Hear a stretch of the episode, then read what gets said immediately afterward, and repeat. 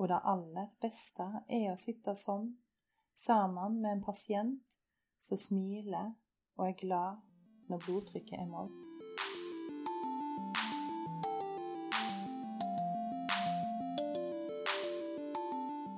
Hei, og velkommen til Sykepleiens podkast.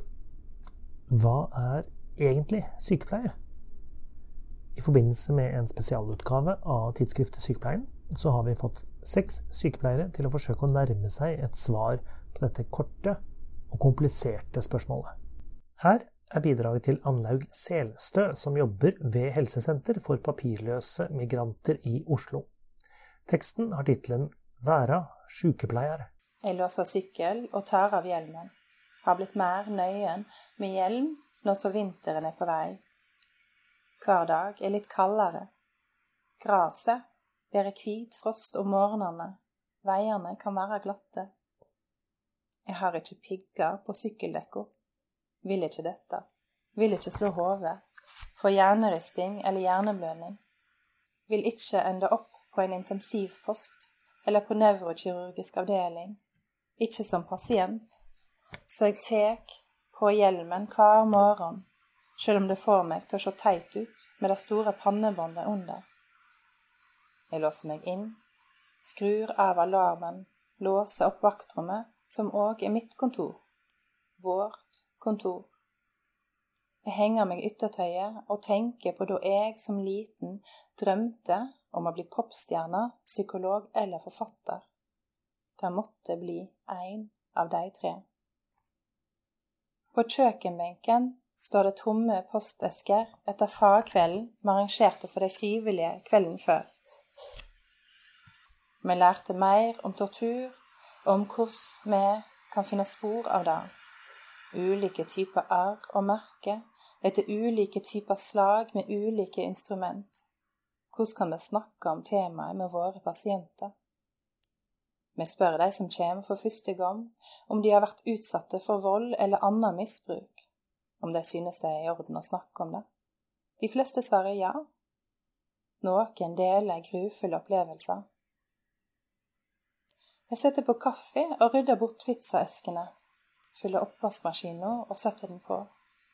Rydder på plass noen stoler, tømmer bosset.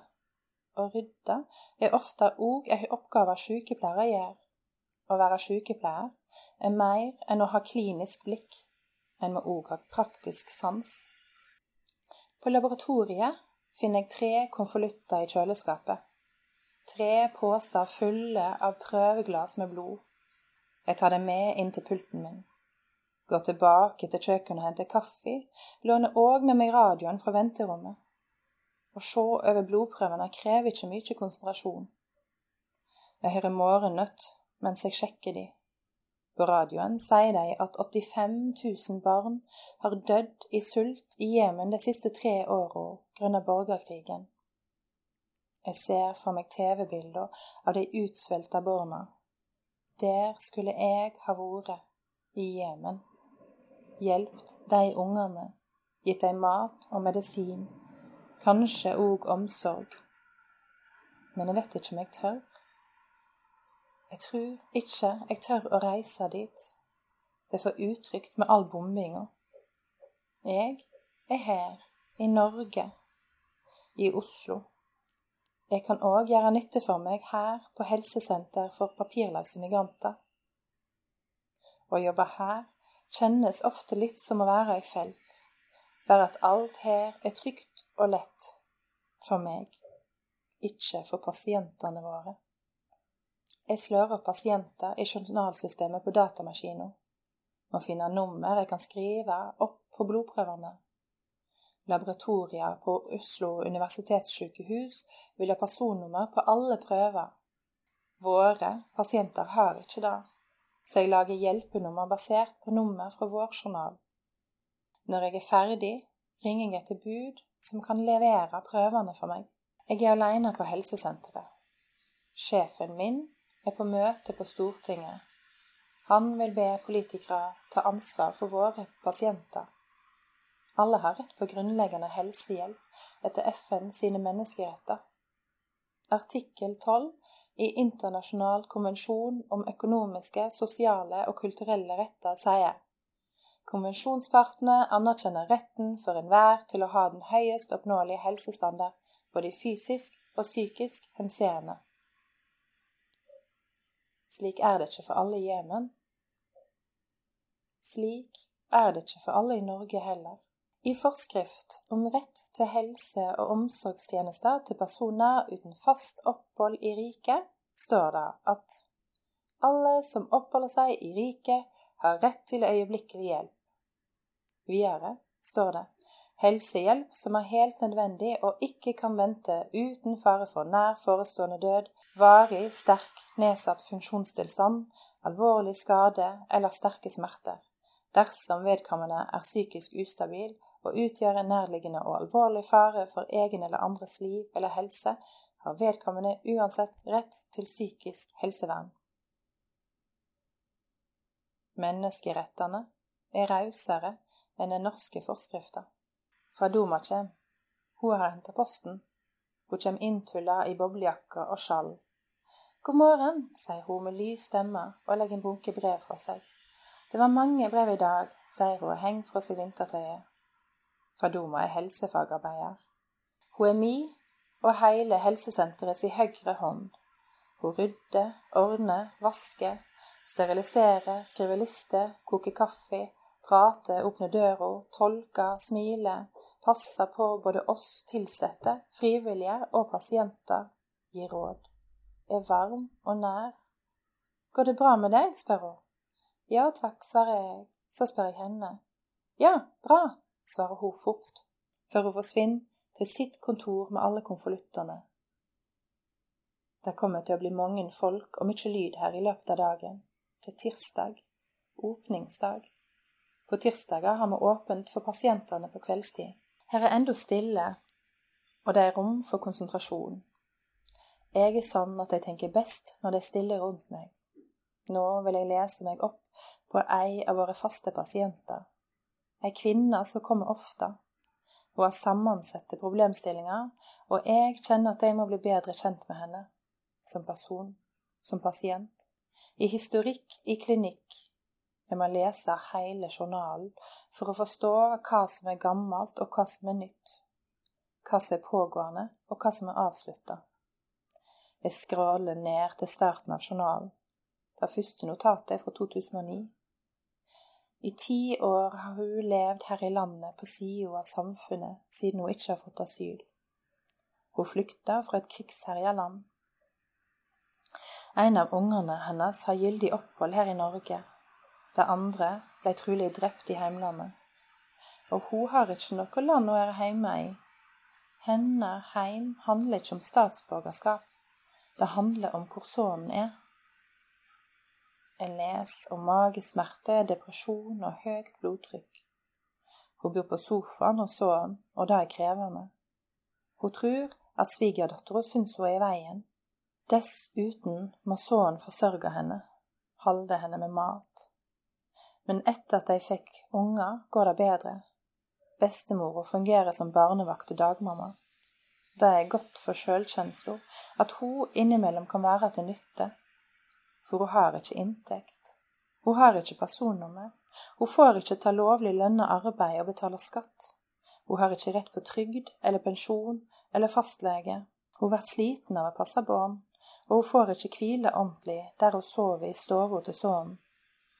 Hun har ingen sted å trekke seg tilbake for seg sjøl. Dessuten får hun ryggsmerter av sofaen hun sover på. Jeg tar notat i boka mi, lager et punkt for hver problemstilling. Ryggsmertene er pågående, gjentagende. Jeg kan jo sette han opp til fysioterapeut, men vi kan trolig ikke tilby mer enn en enkelttime. Det er stor etterspørsel etter de få timene. Men om hun kunne lært noen styrkeøvelser for ryggen, kunne det kanskje blitt bedre.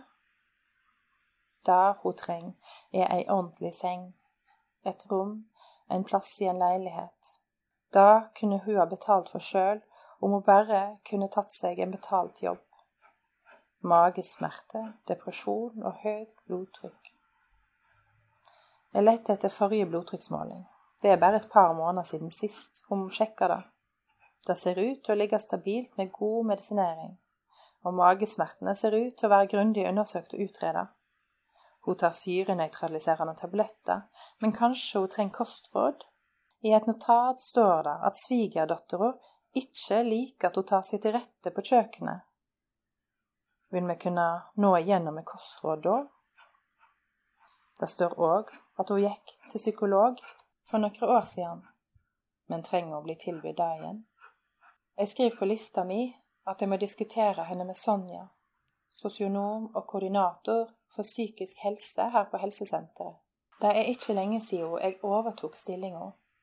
Hun jeg er vikar for, har reist for å jobbe et år i Kenya, med bytte på å være koordinerende sykepleier. Jobben går ut på å følge opp relevant somatikk, ringe opp personer med positive prøvesvar, be de komme for å få antibiotikatabletter, få D-vitamin eller komme til kontroll for det ene eller det andre, følge opp oppgavene de frivillige legene og sykepleierne starter på, Sett personer på liste til tannlegebehandling. Sett opp gravide kvinner til jordmor, eller tipser fertile kvinner om tilbudet vi har med gratis prevensjon. Gjør det vi kan for å holde hjula i gang. Holde i tråder, passe på at alle blir nok passa på. Ringe til pasienter. Noen svarer ikke. Kanskje én person som trenger kontroll for sin hiv, har blitt sendt ut av landet, eller sitter på Trandum eller er redd for hvem som er i den andre enden av telefonen og lar være å svare. Jeg skulle ikke bli sykepleier. Mamma var det, og jeg likte ikke lukta på sykehjemmet jeg jobba på. Det lukta institusjon. Det var før jeg starta å savne eldre folk i livet mitt. Jeg finner en ny journal, en ny pasient jeg vil lese meg opp på. Ei voksen kvinne fra Øst-Afrika. Hun har bodd i Oslo i sju år uten gyldig opphold. Det står at hun har flykta fra militærtjeneste i heimlandet. Hun har reist fra gården. Hun har ikke sett dem på over åtte år. De kan ha vært ungdommer da hun reiste bort. De kan være voksne nå. Kvinner har diabetes, insulintrengende. Hvis ikke hun hadde fått medisin fra oss, ville hun da fått hjelp i det offentlige systemet? Hva er helt nødvendig, og kan ikke vente uten fare for nær forestående død eller alvorlig skade. Når dør en egentlig av for høyt blodsukker? Og hvor alvorlig skal en alvorlig skade være? Sonja kjem. Hun kan regelverket, systemet, kjenner organisasjonene, institusjonene, prosessene, alt som foregår utenfor våre vegger. Hun har med seg engasjementet overalt. Før hun får av seg jakka, forteller hun om ei kvinne hun er veldig urolig for. Fortell at hun lå våken på natta og grubla. Jeg kjenner et lite stikk av dårlig samvittighet for at jeg ikke har mistet nattesøvnen for noen av pasientene ennå. Er jeg for profesjonell? Hva skal vi gjøre med henne, spør Sonja. Kvinna hun snakker om, er gravid. Hun er gravid etter å ha vært sammen med en norsk mann. En norsk statsborger. Hun ble lurt hit til kontinentet, ble lova jobb, men han som lova henne arbeid, sa ikke at jobben var å selge sex.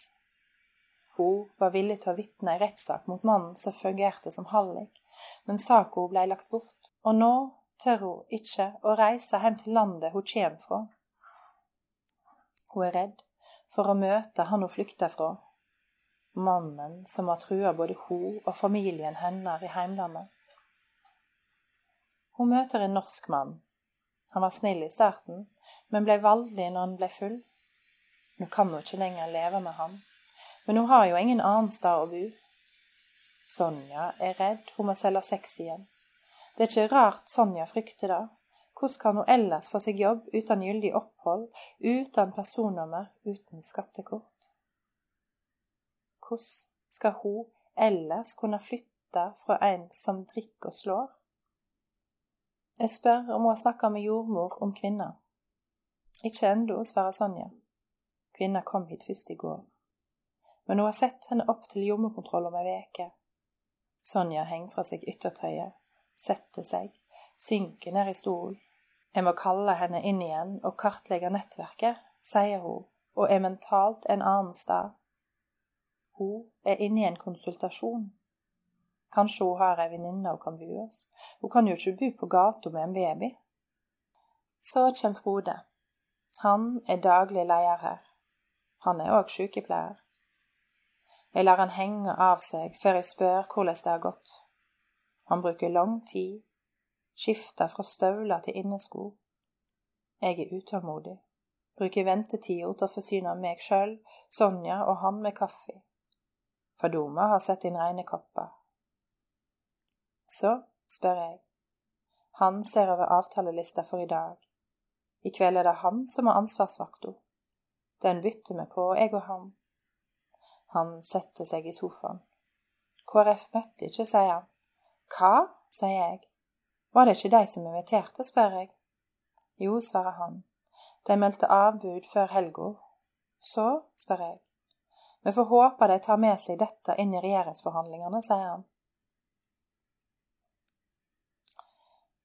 Vårt langtidsmål er at helsesenteret skal stenge, at det ikke lenger skal være bruk for oss at alle her i landet, med eller uten personnummer, skal ha lik rett til grunnleggende helsetjenester, kanskje til og med som oss å få den høyest oppnåelige helsestandard. Frode forsvinner inn på sitt kontor, og jeg finner bunken med epikriser og prøvesvar som Nils har sett over. Nils er den eneste lønna legen her, men han er bare lønna en halv dag i veka og han jobber i alle fall to dager. Han er frivillig òg, som så mange av de andre. Som alle de andre legene, sykepleierne, bioingeniørene, fysioterapeutene, jordmødrene og psykologene, tannlegene og miljøarbeiderne. Har stor bredde i frivillige. Det er mange som gir av seg sjøl og si tid og jobber gratis for oss, en gang i måneden eller oftere. Det er så fint å være del av et tverrfaglig lag. Det er givende å ha all denne kompetansen på vårt vesle helsesenter. Over 150 frivillige som samarbeider om å gjøre livet til våre pasienter litt bedre. Våre frivillige møter, ser, behandler personene som er vant til å bli oversett og tilsidesett ellers i samfunnet. Nils har sett gule Post-It-lapper på skrivet jeg ser gjennom, på ting han vil jeg skal følge opp. Innkall til D-vitamin, står det på ett prøvesvar. Vis dette til infeksjonslegen, står det på et annet. Er dette kjent fra før, står det på et lab-ark med positiv hepatitt B-resultat. Jeg ringer noen flere pasienter før det faste koordinatormøtet. På møtet går vi først gjennom noen av pasientene som vi deler uro for, eller som trenger både jordmor og tannlege, sosionom og sykepleier. Vi snakker om en mann uten tenner som er underernært. Ei kvinne Sonja opplever som mulig suicidal, som har tapt anken i UNE. Frode forteller at han har blitt kontakta av en kollega på Bymisjonssenteret om en mann uten gyldig opphold som har kreft og ikke får behandling. Når vil kreftcellene gi? Nær forestående død, varig sterk nedsatt funksjonstilstand, alvorlig skade eller sterke smerter. Vil det bli billigere og lettere å behandle vedkommende da? Etter møtet gjør vi oss klare til kveldsåpninga. Frode fordeler frivillige leger og sykepleiere, og psykologer og bioingeniører, og farmasøyt og miljøarbeider på ulike rom. Sonja hjelper ei frivillig, ei som òg er pasient hos oss, med å lage mat til de som kommer på vakt. Fadoma henger opp navnelapper på dører, og jeg sender ut en e-post til alle sykepleierne på lista vår. Ei av de tre som står på vakt i dag, har meldt avbud. Hun har henta sjukt barn i barnehagen og kan ikke jobbe likevel. Som sykepleier kan jeg jobbe på gulvet. Som sykepleier kan jeg jobbe med administrasjon. Jeg kan arbeide med en pult, med ei seng, jeg kan jobbe på en feltklinikk ute i bushen. Jeg kan jobbe både klinisk og byråkratisk, globalt og lokalt. Sykepleieryrket er allsidig. De frivillige starter å komme. Mange kommer rett fra en annen jobb, så det varierer når tid de rekker å være her.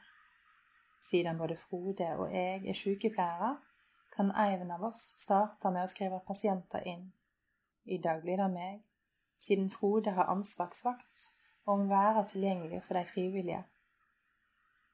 På venterommet fyller det seg opp. Det er i alt tolv pasienter som har kommet, sjøl om vi egentlig ikke åpner før klokka fire. Men folk vil sikre seg å få hjelp, så de kommer tidlig for å stille seg i kø, og vi slipper folk inn en halvtime før åpning. Stemninga på venterommet er god, og jeg tenker på det jeg har blitt fortalt flere ganger, både fra pasienter og frivillige. Personene som kommer, opplever og kjenner seg sett. Folk finner seg kaffe og te, noen forsyner seg med kjeks, noen småprater. En rumensk mann spør om tannlegen kommer i dag. Yes, she will be coming, svarer jeg. Jeg logger meg på maskina i et av mottaksrommene og ut og rope inn førstemann. En eldre mann reiser seg og retter opp nummerlappen så det står én på. Jeg tar imot vaksinekortet som jeg bruker som pasientkort, tar han i handa og sier hei. Spør om han snakker norsk. Nå, svarer han.